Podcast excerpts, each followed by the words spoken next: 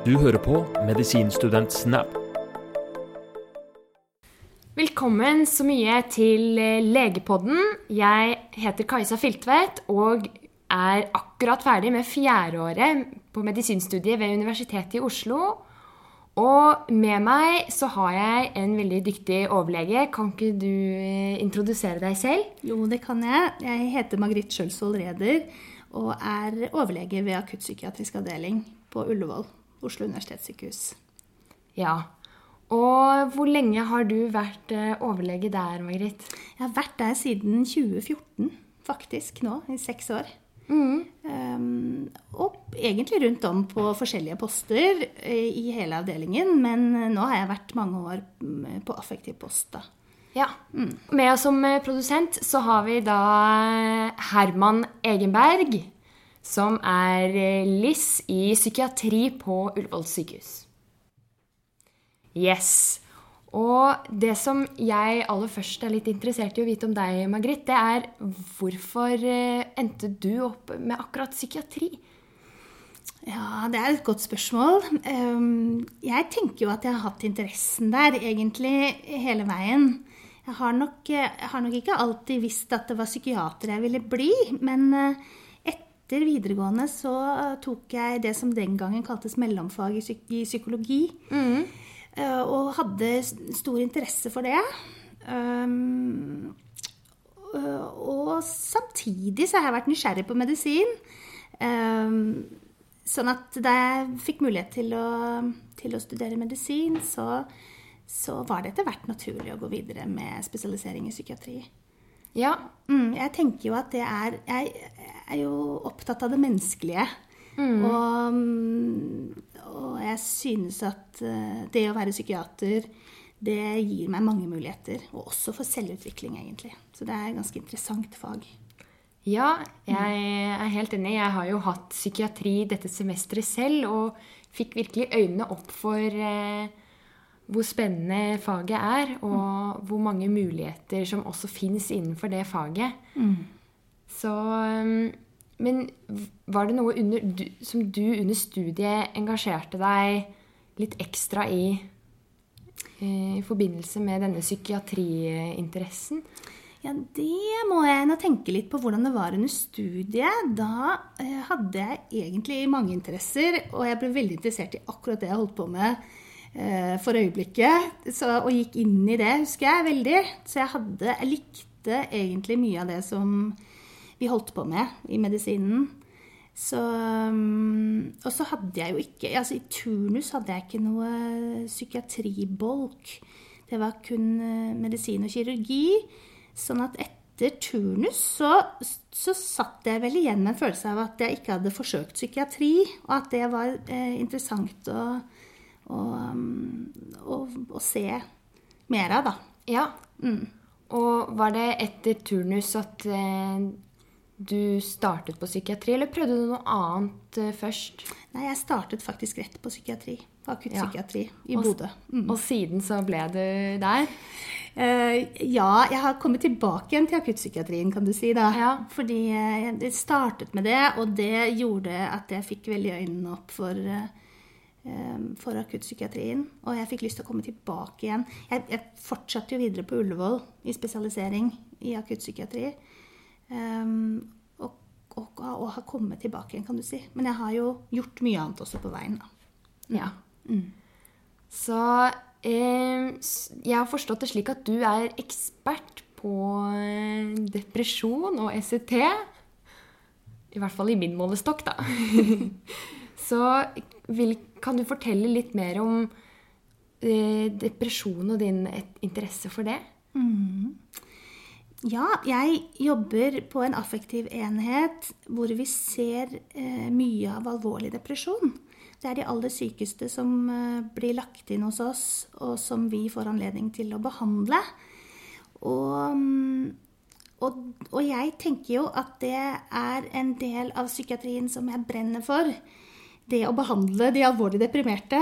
For det er en oppgave, det, altså. Det er jo, alvorlig depresjon er noe helt annet enn en eh, milde og moderate depresjoner. Jeg tenker Det er liksom viktig å skille og vite at man har å gjøre med alvorlig sinnslidelse. Ja. Sykdom som man må eh, Ja, som krever en del når man skal du- behandle. Vil du fortelle litt mer om hvordan man skiller mild, moderat og alvorlig depresjon? Ja, Eh, når, man, altså når man snakker om depresjon sånn til daglig, så, så er jo det å være deprimert nesten synonymt med å være trist. Ja. Sånn, sånn er det jo ikke eh, når man skal stille en diagnose. Tristhet er en del av, eh, av det hele, men, eh, men eh, absolutt ikke alt. Så, eh, så det handler rett og slett om å forholde seg til et symptomkompleks. Da. Et flere symptomer som skal være til stede for at man skal kunne kalle det depresjon i utgangspunktet. Og så må man ja, jeg vet ikke om jeg skal si så mye mer om det, men man må også ta hensyn til tiden, for man skal ha hatt symptomene i over 14 dager for at det skal kunne kalles depresjon. Ja. Ja, Så det er jo mange som sier til daglig sånn 'Jeg er så deppa', når de egentlig er litt trist. ja. Eh, hvordan skiller man å være litt nedfor pga. sitroner i livet og, og faktisk være deprimert? Ja, det, eh, når du skal stille depresjonsdiagnosen, så må du ta stilling til disse symptomene som, eh, som inngår i, ehm, i tilstanden. Og, og det er tre kjernesymptomer, som er tristhet, og så er det gledesløshet og tap av energi. Og det er til stede hele veien ved alvorlig depresjon. Men så er det også tilleggssymptomer. Og så handler det om hvor mye du har, eller hvor mange av disse symptomene du har. da. Så du kan på en måte se på totalbildet og, ehm, og gjøre deg opp en vurdering av, uh, av hva det handler om. Jeg har et spørsmål der, fordi Uh, i Madrs den derre skåringsskjema for depresjon, hvor det er ti forskjellige symptomer på depresjon, så sier man ofte, eller i hvert fall det har jeg hørt mange ganger, at Madrs kan ikke brukes som diagnostisk verktøy. Ja. Og Jeg har alltid lurt på liksom, Jeg får en pasient inn, og så scorer han skyhøyt på Madres, så tenker jeg, ja, da er det jo depresjon. Hva, hva menes med det? liksom? Hva, eh, kan du si litt mer om det? Ja, det kan jeg godt gjøre. For det handler om å si noe om symptomtrykket. Om hvor, eh, hvordan pasienten har det her og nå. Og man kan ha det ille her og nå, og hatt det ille de siste tre dagene, som man jo spør om i Madres, uten at det handler om en depresjon. Det kan jo være forårsaket av, av mange forskjellige ting. Så, så, så det er et viktig poeng å, å vite at man ikke stiller noen diagnose med Madres, men at man eh, rett og slett eh, ser på symptomtrykket. Og så må man gjøre seg opp en mening om diagnose ved siden av, og da er jo Madres nyttig å bruke inn i det. da. Så vet du noe om hva du står overfor, og, hva slags type symptomer som er til stede. Og du startet jo å spørre Kajsa, om forskjellen på milde, moderate depresjoner og Ja. alvorlig depresjon. Og, og jeg tenker jo at da, da kan vi kanskje si noe om hva som er spesielt for alvorlig depresjon. Jeg, jeg tenker at det er veldig viktig, og det er det jo uansett når man skal stille depresjonsdiagnose, og utelukke eh, organisk årsak til tilstanden. Sånn som bivirkning av legemidler, rusmidler, eh, somatisk sykdom, som hypotyreose f.eks., Ja. som kan gi symptomer som ligner på, på et depresjonsbilde. Og så, eh, og så er det noen eh, symptomer som er spesielle for, eh, for alvorlig depresjon. Og eh, ofte så ser man at f.eks. psykomotorikk er endret. Sant? Ja. At man enten har en hemming av psykomotorikk eller en aktivering.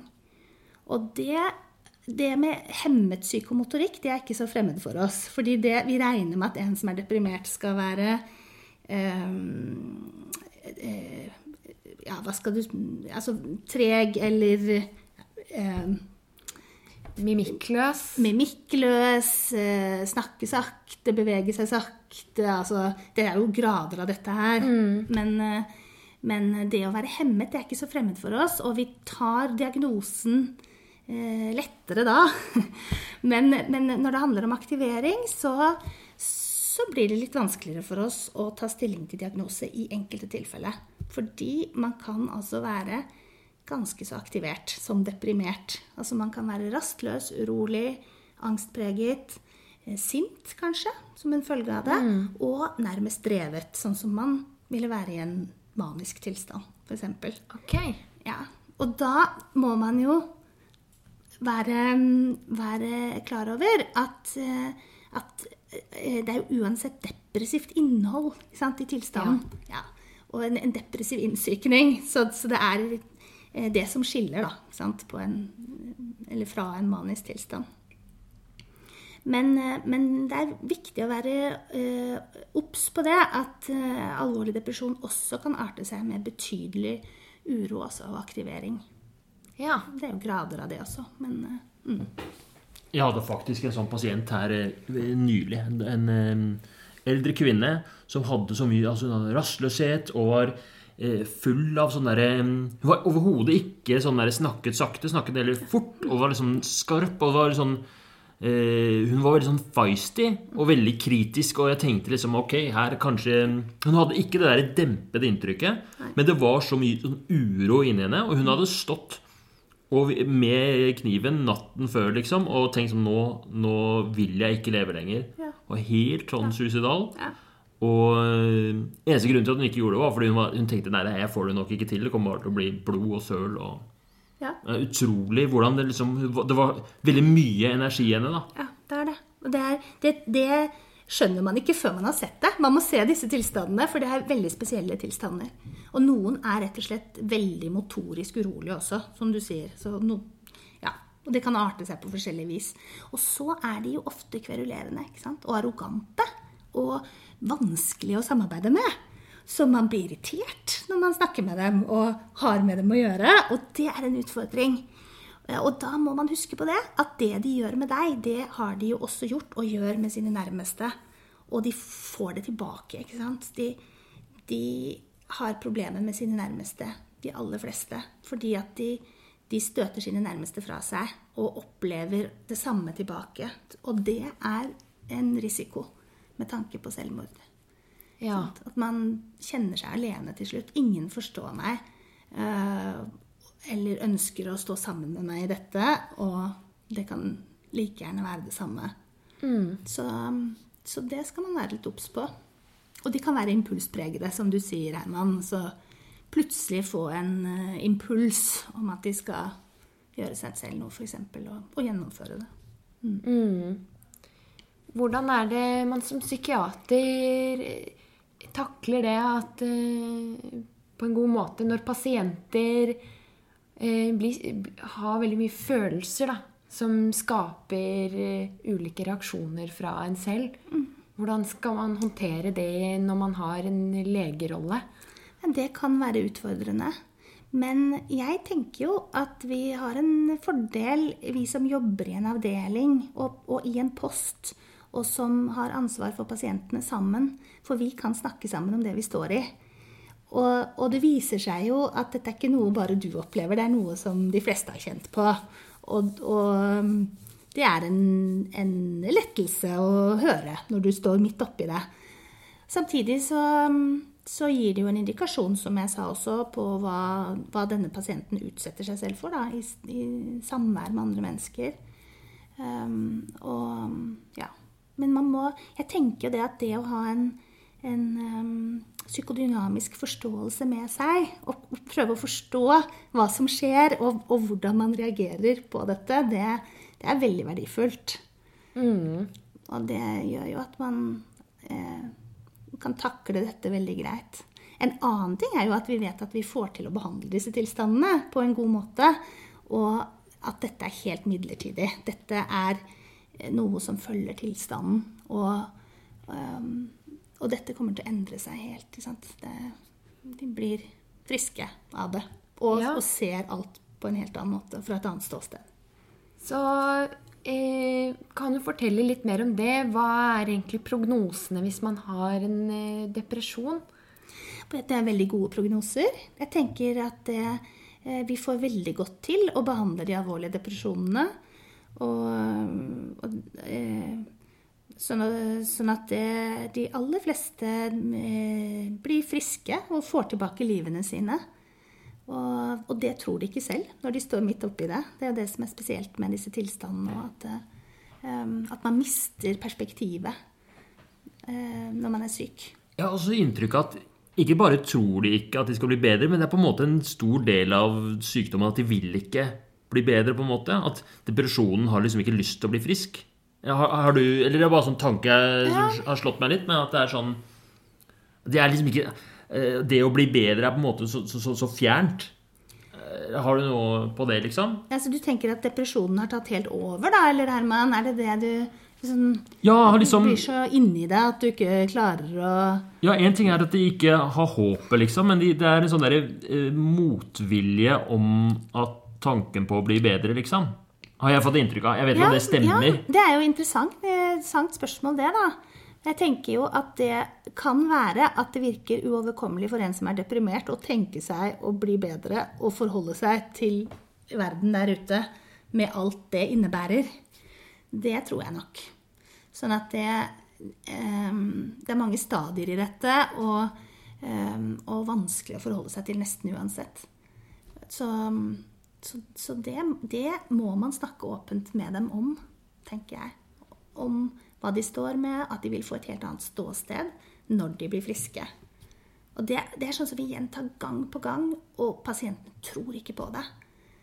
Og, og vi kan snakke med dem igjen senere, og de eh, ser jo at de er et helt annet sted. Og det er eh, verdifullt å ta med seg, da. Det, er, det gjør virkelig jobben ja. interessant og fin må gi, gi, veldig mestringsfølelse og ha stått i det at eh, en pasient er helt fortvilet over at eh, ingen kan hjelpe dem, og mm. at eh, de kommer aldri til å bli frisk. Og så viser det seg at eh, de blir helt friske igjen. Ja, det må jeg si. Det er ganske spesielt.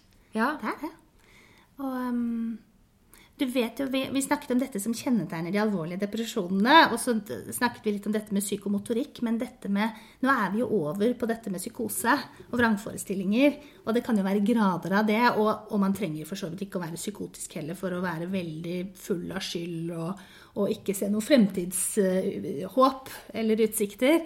Men, um, men, det er jo en del som også har virkelig realitetsbristende forestillinger da, om, om at de um, ja, ja, om all verdens skyld, f.eks. Mm. Helt ubegrunnet. Og det kan dreie seg om, om mye forskjellig, og, og, du blir overrasket når du hører det.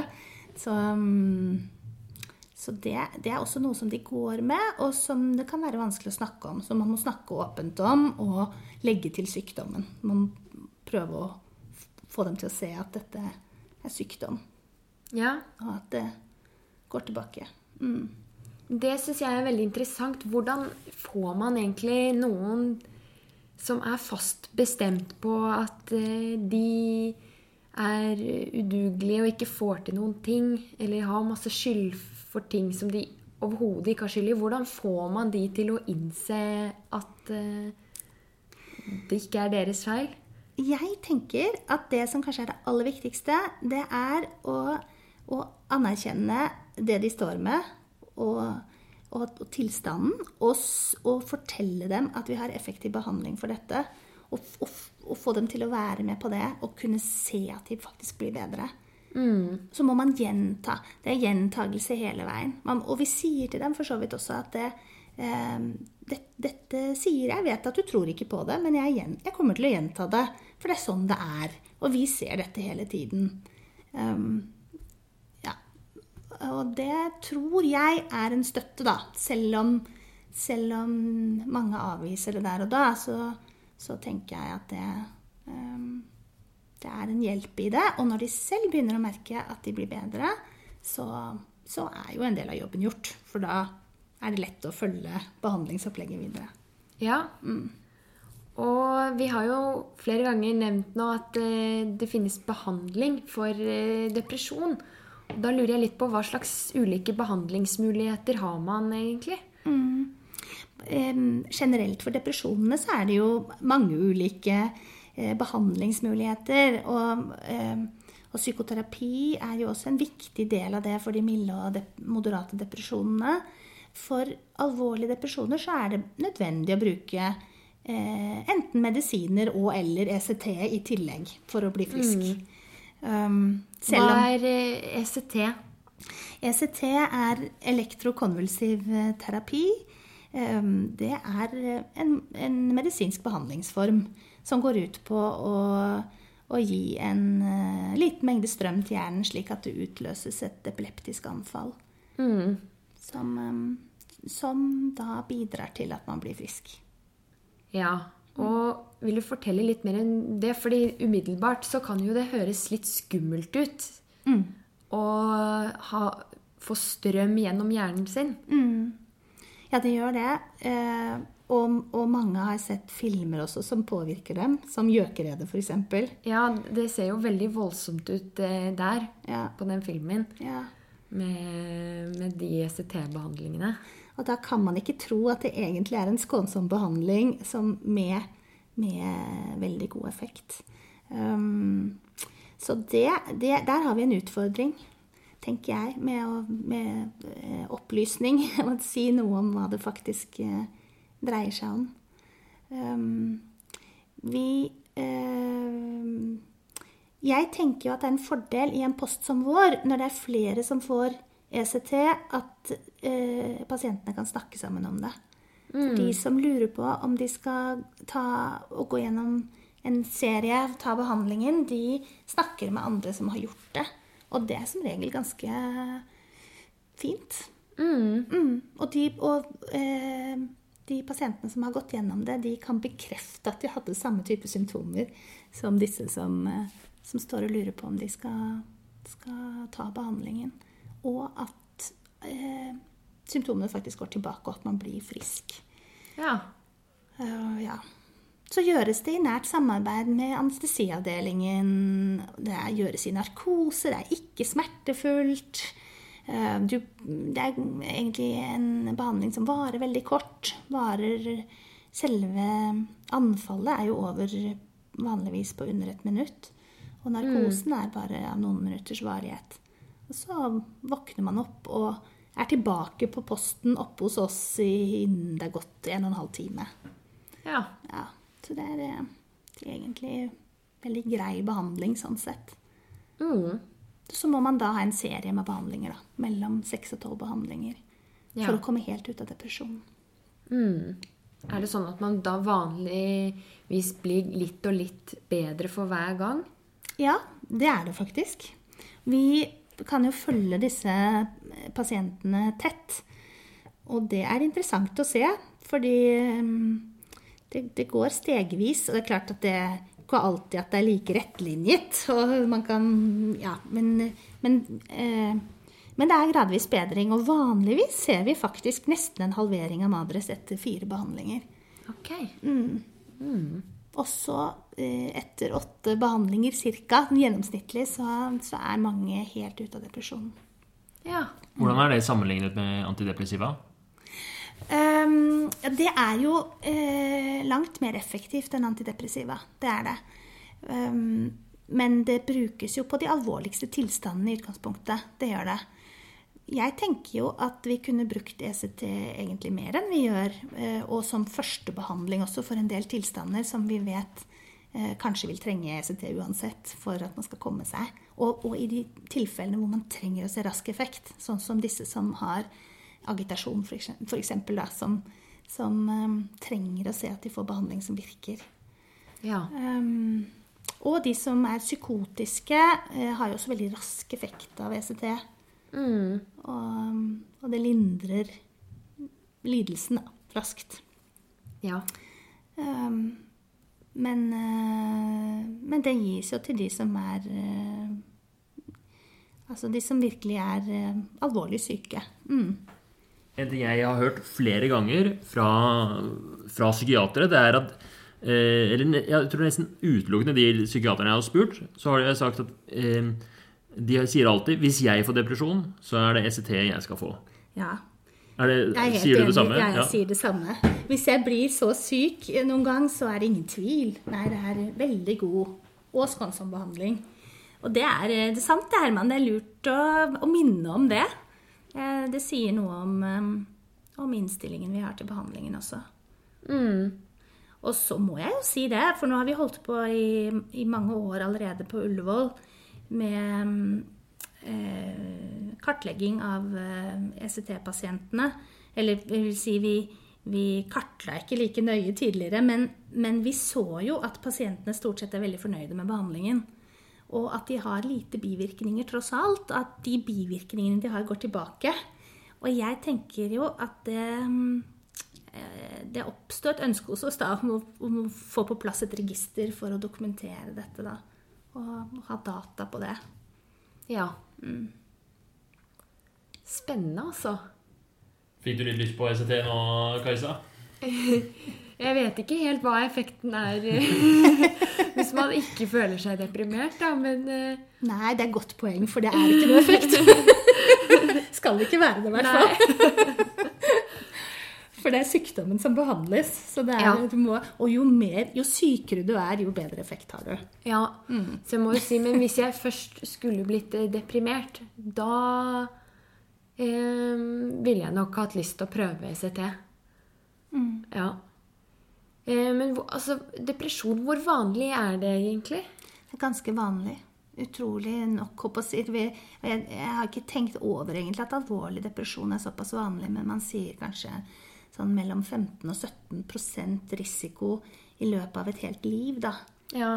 Um, men det er nok vanligere hos kvinner enn hos menn. Det er kjønnsforskjeller der. Um, og det ser vi for så vidt i avdelingen òg. At, uh, at det kanskje er flere kvinner innlagt um, for alvorlig depresjon. Um, ja, eh, så eh, det er, det er ganske vanlig, og Verdens helseorganisasjon har jo sagt at eh, de depressive lidelsene er liksom på verdenstoppen med tanke på å forårsake tapt livskvalitet og, og leveår. Så, så det er all grunn til å behandle depresjon effektivt når man Ja. har mulighet til det. Mm. Absolutt.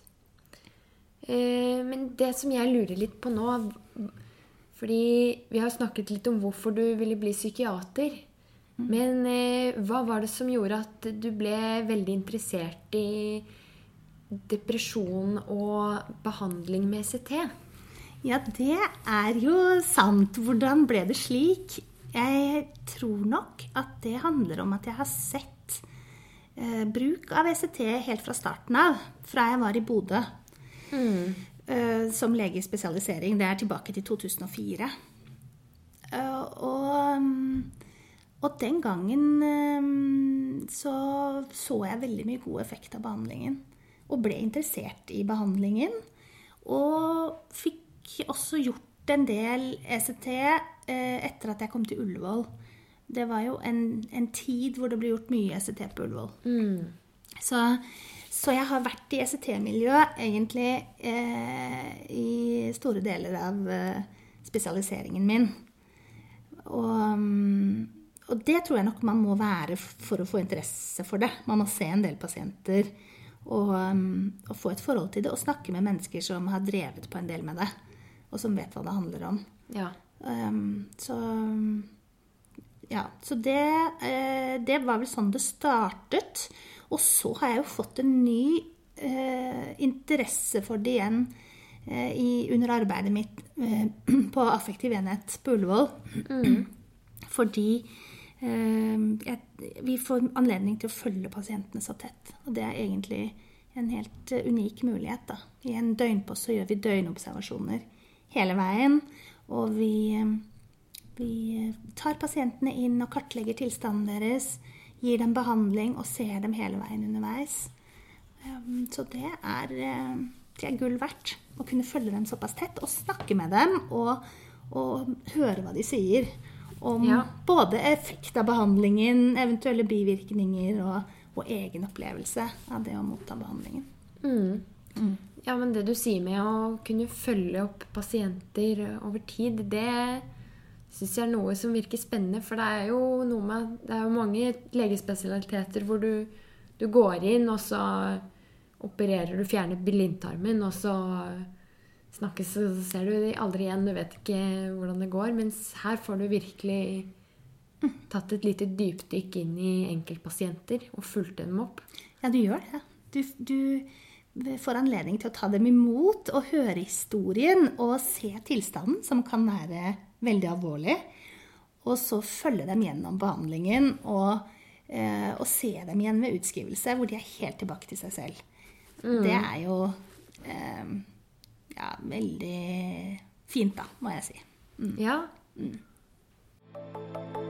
Du hører på Medisinstudent Snap.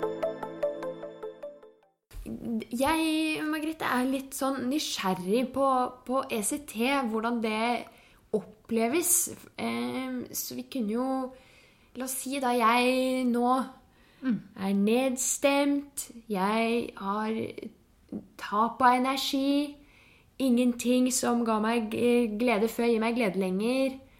Og så tar du en madres på meg, og den er eh, skyhøy. Jeg er ikke helt sikker på, på nom nummeringen her på hva som er, er lite og høyt, men den er skyhøy. Og eh, det har vart i over har vart i noen uker, flere uker. Og eh, så tenker, tenker vi det at ECT hadde vært en egnet behandling for meg. Hva, hva er det som eh, venter meg da? Ja, da, da må jeg jo først si at, eh, at det, det blir jo en vurdering i hvert enkelt tilfelle om man skal bruke ECT eller ikke. Men hvis madres er skyhøy, så vil det kanskje si at du har noen symptomer som, som vi tar veldig på alvor, da. Og at det er stor lidelse forbundet med tilstanden. Og, og da kan jo ECT være eh, effektiv og god behandling hvis man ønsker det selv. Det som er eh, Utgangspunktet er jo at man må ønske å få ECT. Vi gir ikke ECT til noen som ikke vil ha det. Så, jeg kan ikke bli tvunget til å ta ECT hvis jeg syns at det virker altfor skummelt og ikke, ikke interessert i det. Nei, aldri. Og det er viktig å vite, tenker jeg. Det, det er noe som du må ønske selv. Og i noen veldig få tilfeller Nå ser jeg at du ønsker å stille et spørsmål, Herman. Nei, for jeg bare lurer på, Er det ikke noen få- eh, schizofrenipasienter med sånn der katatoni, hvor man gir ECT på, eller, uten at pasienten er samtykkekompetent, og gir det på en måte på tvang? da? Ja, på nødrett. Det er det.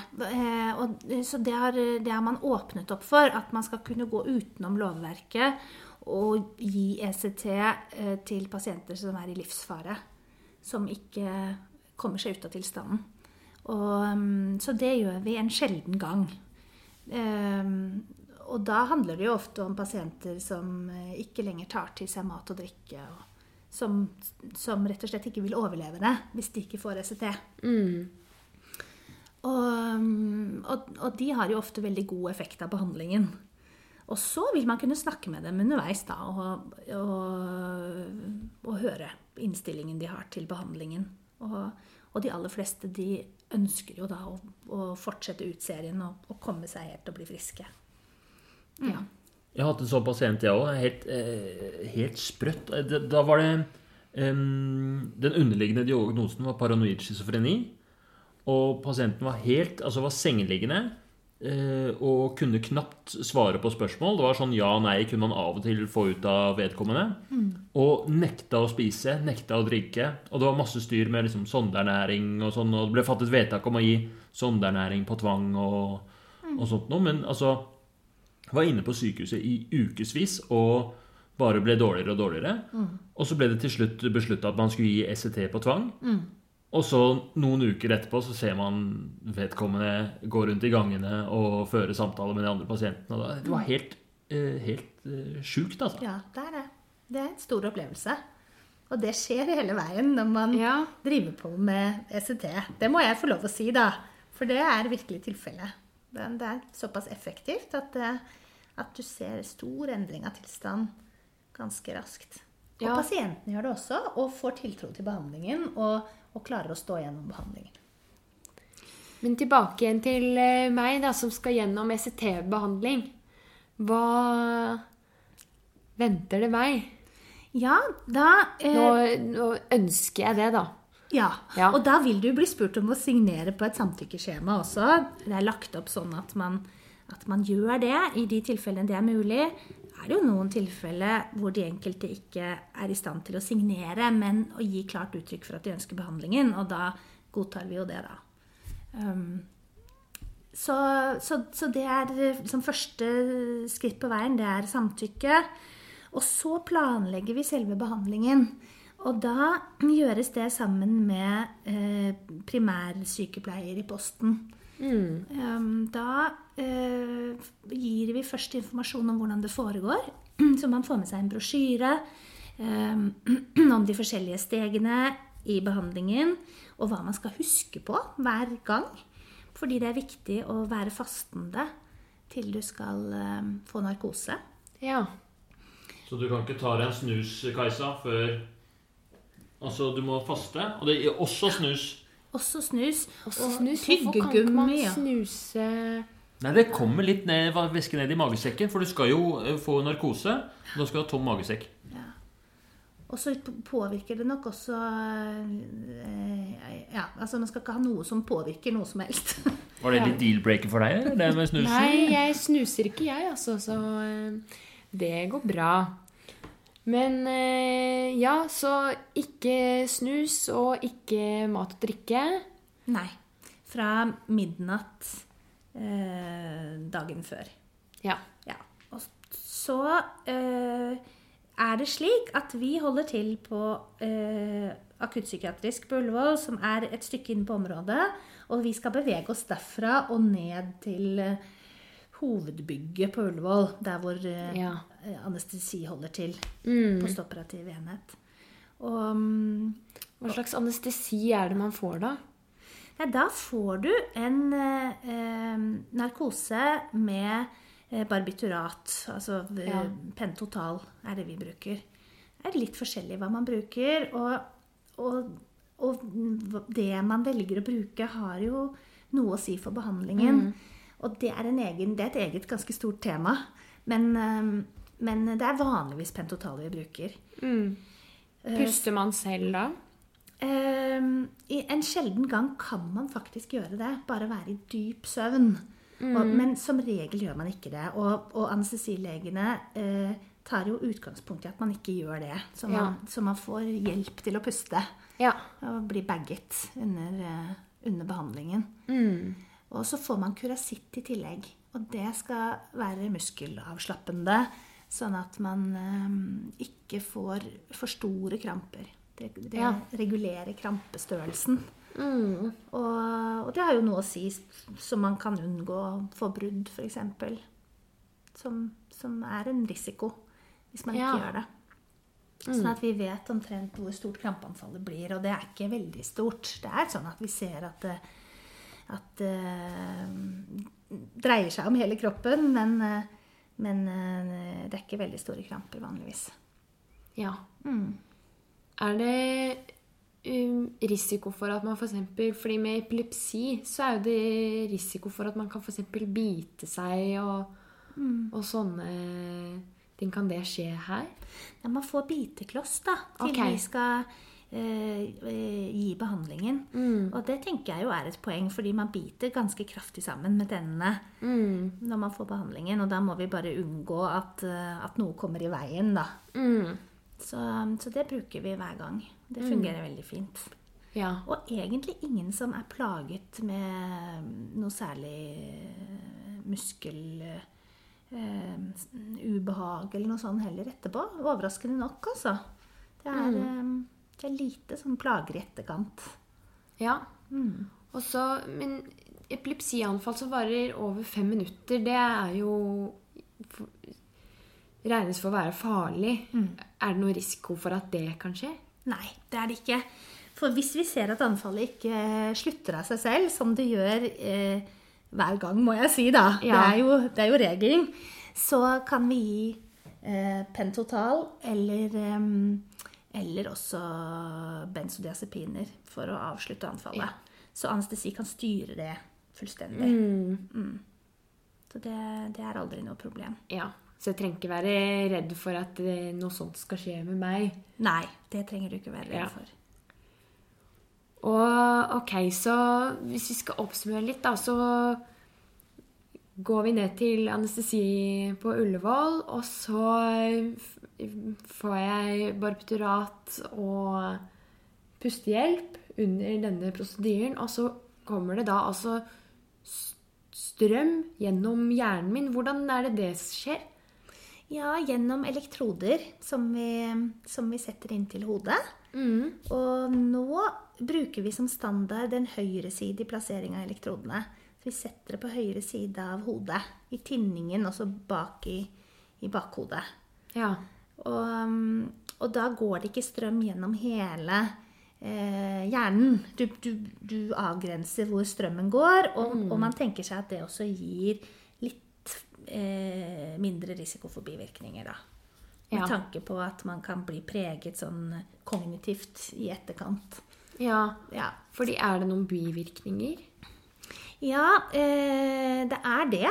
Eh, det er litt forskjellig hva de, hva de forskjellige opplever. Man kan eh, oppleve å få eh, redusert hukommelse i etterkant. Eller påvirket hukommelse, får jeg nesten si da. Fordi det kan jo arte seg på forskjellig vis.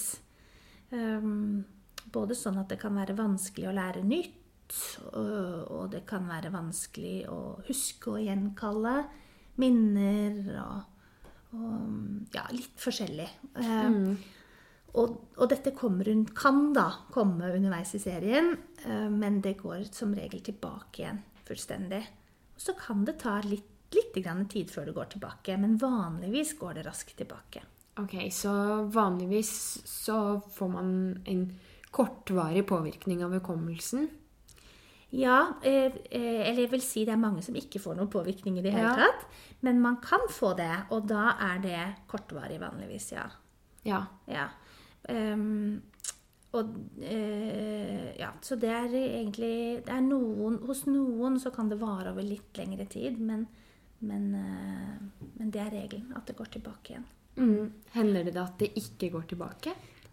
Um, vi, det er noen som uh, fortsatt har den type plager når de skrives ut fra oss, da, som går videre Ja. til, uh, da til døgnpost egentlig på, på DPS til de har kommet seg. Men uh, vi har hatt noen få som har strevd over litt tid, og, og hvor jeg har fått tilbakemelding om at, om at det går seg til.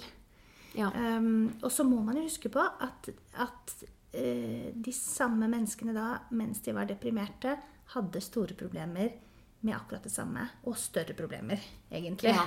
Sånn at eh, Og det er vel eh, hovedeffekten av ECT, at man eh, at, eh, at det skjer en normalisering da, i utgangspunktet av eh, Eller i hele kroppen, slik at også hukommelse og konsentrasjon, som veldig ofte blir påvirket når man er alvorlig deprimert, at det går seg til, og at man blir seg selv igjen. Mm. Og det er det for lite fokus på, egentlig. Det er, um, det er mange som snakker om dette med hukommelsesvansker i forbindelse med ECT, men, men det, regelen er jo egentlig at ECT behandler uh, nedsatt konsentrasjon og hukommelse gjennom å behandle depresjonen. Ja. Hvordan er det sånn der typisk hukommelsesvanske arter seg? Er det, jeg forstår liksom ikke helt det. Er, det. er er det at man ikke husker hvilken dag det er, eller er det at man plutselig ikke husker uh, Roskilde-festivalen i 2007, liksom? Eller hva er det? Ja, det kan være begge deler. Altså, det er litt forskjellig hva man opplever. Noen, uh, for noen arter det seg slik at man ikke husker minner. eh, Sånn som Roskilde-festivalen en helt gitt eh, tid. Ja, Eller, Den, den har ikke lyst, jeg har lyst til å glemme. Nei, ikke sant? Um, Men det vanlige da er jo at man eh, glemmer eh, minne, Eller minne får man ikke si, da, men eh, eh, glemmer ting som hører til sykdomsperioden. Eller den, akkurat den perioden hvor man har fått behandling. Det er det vi vanligvis ser, da. Um, og så kan man få problemer med innlæring, sånn at det er vanskelig å huske ting som du uh, får høre og, og, og skal gjenkalle. Um, og så uh, kan det være vanskelig å orientere seg for noen. Så man plutselig kan bli sånn litt retningsforvirret. Um, og man kan få eh, problemer med å huske hvordan man skal utføre ting. Det er veldig spesielt. da. Jeg kan ikke egentlig huske så mange som har hatt sånne problemer, men en sjelden gang så kan det gi utslag også slik at man liksom ikke husker hvordan man skal gjøre ting som man vanligvis husker. Ja, sånn Og hvordan man sykler, f.eks. Nei, nei ikke, ikke sånn egentlig. Men kanskje mer sånn som eh, forskjellige prosedyrer på mobilen eller Ja. den type ting. Mm. Men det er, jo, det er jo sånn som man absolutt kan få problemer med under depresjonen. Ja. Sant? Sånn at det ehm, Om det er forårsaket av ECT eller depresjon eller eh, ehm, Ja, det, det er jo også en ting, da. Men eh, mm, jeg, jeg, jeg vil ikke si at vi har sett så mye av det i forbindelse med behandling med ECT. Det har jeg ikke. Jeg tror ikke jeg har sett uh, nesten i det hele tatt. Ja. Ja. Ja, Men eh, det var eh, uansett eh, litt betryggende for meg å høre, hvis jeg skulle gått gjennom en ECT-behandling, da, å høre hvordan det her faktisk foregår. foregår. Og så helt til slutt, hvordan er det oppvåkningen og sånn blir?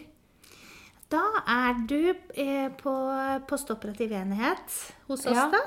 Eh, og, og har en sykepleier hos deg hele tiden. Mm. Som passer på deg og inntil du er helt våken og, og det ikke er noe risiko for at du ikke skulle puste godt eller Ja. Inntil du liksom klarer deg helt selv. Så Ja. får du litt, og, litt uh, saft med sukker og kommer deg litt. Og, og kan da ganske snart være i stand til å gå opp igjen til posten. Ja. Skjønner. Eh, over til noe litt, litt annet. Vi er fortsatt inne på depresjon, men det som jeg lurer litt på, fordi man leser at eh, at flere er deprimert og sliter psykisk eh, nå enn tidligere. Stemmer det? Det eh, vet jeg ikke helt. Det ehm, eh, Om det hva, altså hva slags type depresjon det handler om, og om det er tilfellet for alvorlig depresjon. For det som jeg i hvert fall har hørt, er at det ikke er så stor forskjell på i, høyinntektsland og lavinntektsland, f.eks. Når det gjelder ehm, det å bli alvorlig deprimert. Um, at det ikke er så, så store variasjoner sånn sett. Men at det handler eh, kanskje mer om, um, om um, en del andre ting. Det er jo sammensatt da, selvfølgelig. Men eh, biologisk og psykologisk sårbarhet selvfølgelig eh, kombinert med stress og opplevd stress. Og det er jo forskjellig også hvordan vi, hvordan vi takler det og forholder oss til det. Men um, men eh, om det, om det virkelig er mer av alvorlig depresjon nå enn tidligere, det er jeg usikker på. Mm. Kanskje mer av, av eh, lettere depresjoner. Det er, men, men alvorlig depresjon er noe for seg selv med tanke på at det er en ganske stor biologisk komponent også. Ja. Ja. Du var inne på det i stad. Det synes jeg egentlig var veldig interessant. Det der med at, at En ting er at depresjon kan skilles i mild og moderat og alvorlig. Men de er liksom i forskjellige kategorier òg. Så det som er alvorlig depresjon, det setter man liksom mer i bås med de der alvorlige sinnslidelsene. Med altså paranoid, schizofreni, psykose, mani. De derre utrolig sånn intense psykiske lidelsene. Mens mild depresjon er liksom en helt annen kategori. Helt annen kategori. Det er en helt annen eh, type tilstand. Og det er viktig å være klar over. Ja. Så når de snakker om, fordi jeg også hører det hele tiden, og det er så mye mer depresjon blant unge, Ja. så snakker de om liksom mild Det burde nesten vært to forskjellige diagnoser, da, kanskje, egentlig. For å gjøre det lettere å forstå hva man snakker om, egentlig. Ja, det er veldig sjelden at det faktisk presiseres hva slags type depresjon det handler om. Så, så det har du rett i. Det burde, burde hett noe eget. Hatt en egen, eh, et eget navn for at man skulle vite hva det handlet om. For det, dette blandes sammen og blir en eneste eh, type tilstand, og det er det ikke. Det er veldig stor forskjell på tilstandene. Fordi det er jo også forskjell på, sånn som dere snakka om i stad at eh, å ha en mild depresjon og ha tristhet Det er også Ja. to helt forskjellige ting. To helt forskjellige ting. Så depresjon en, i, på folkemunne på en måte beskriver mange altså Både den der eksistensielle 'Å, jeg er litt deppa i dag', men også den 'Jeg har en sykdom, jeg er deprimert', men som helt fint går an å, å behandle hos fastlege. Og så har du til slutt den derre virkelig stygge store ulven, den alvorlige depresjonen, hvor selvmordsfaren er skyhøy, og hele kroppen, fysiologien, biologien er eh, påvirka. Ja, ja det, der sier du noe viktig, Herman. For det er jo faktisk tilfellet. Altså, hele kroppen er påvirket eh, hos veldig mange av disse pasientene. Og, det ser vi også veldig tydelig. Altså. Og derfor er det også veldig viktig med en grundig somatisk undersøkelse eh, før disse pasientene legges inn hos oss. Du hører på Medisinstudent Snap. Eh, det som jeg tenkte på, det er jo at eh, ved depresjon så er jo det gjerne økt forekomst av selvmord.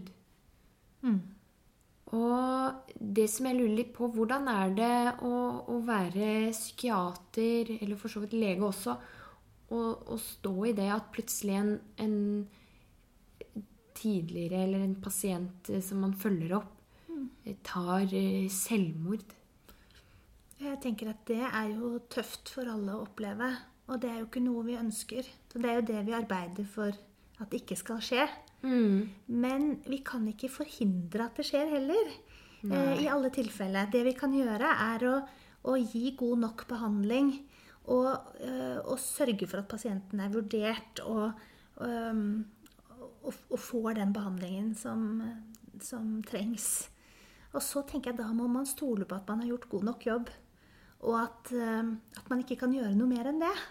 Ja. Ja, og, eh, og, og at det er en, selvfølgelig en risiko for at vi alle kan oppleve det.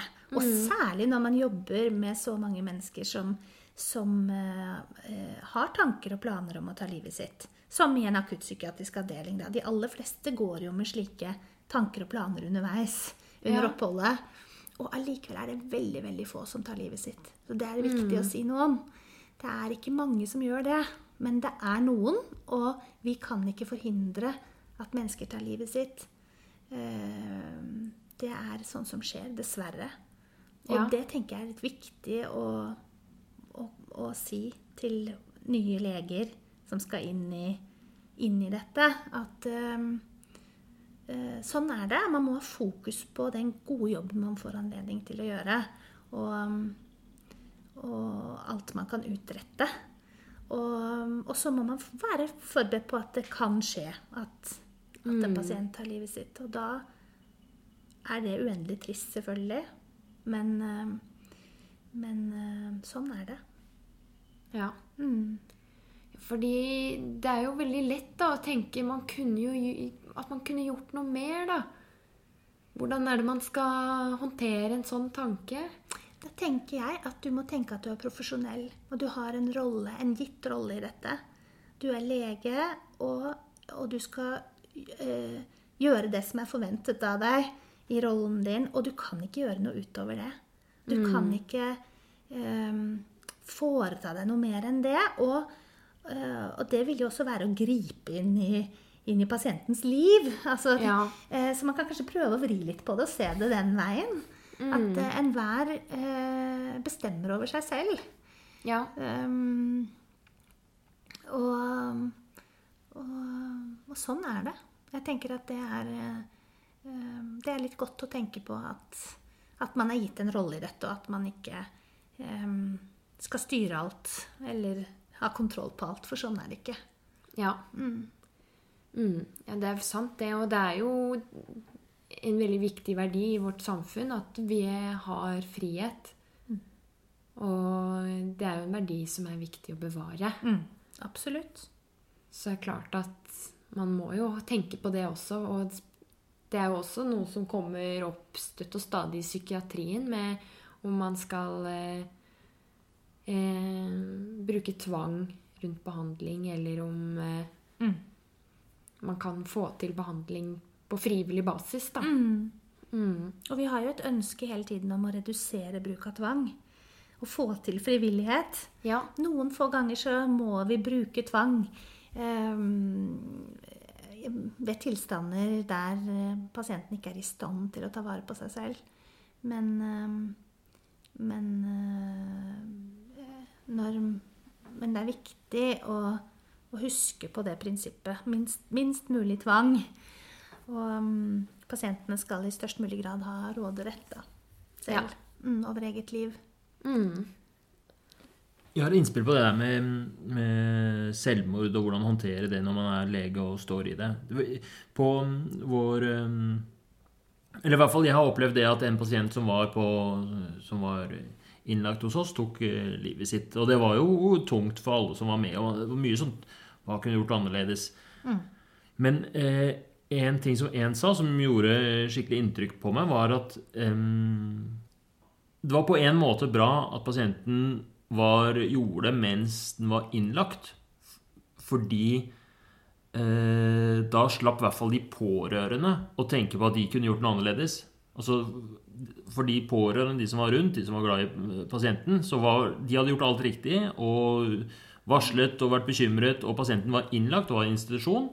Og så, ja vel, det er jo på en måte kjipt for oss å tenke alle disse eh, Hvordan kunne det skje, liksom? Men samtidig så er vi profesjonelle, og det er litt vår Som leger vår byrde å bære. At vi vi kan liksom gjøre suicidalvurderinger. Vi kan vurdere hva er risikoen, hva er eh, Og så kan vi liksom stå og ta litt det der ansvaret, da. Det var i hvert fall en fin tanke, syns jeg. Ja, jeg tenker at vi, vi, vi skal ta vurderingen, og så skal vi sette i verk tiltak etter vurdering. Og da kan vi ikke gjøre mer enn det. Um, og så vil vi jo alltid etter en slik hendelse ha en gjennomgang uh, av det som har skjedd, og se på om det er noe vi kunne gjort annerledes. Og det tenker jeg også er fint oppi det hele. For vi kan selvfølgelig også uh, kanskje gjøre endringer, da, som kan i neste omgang redde noen. Det, er- det er en mulighet for.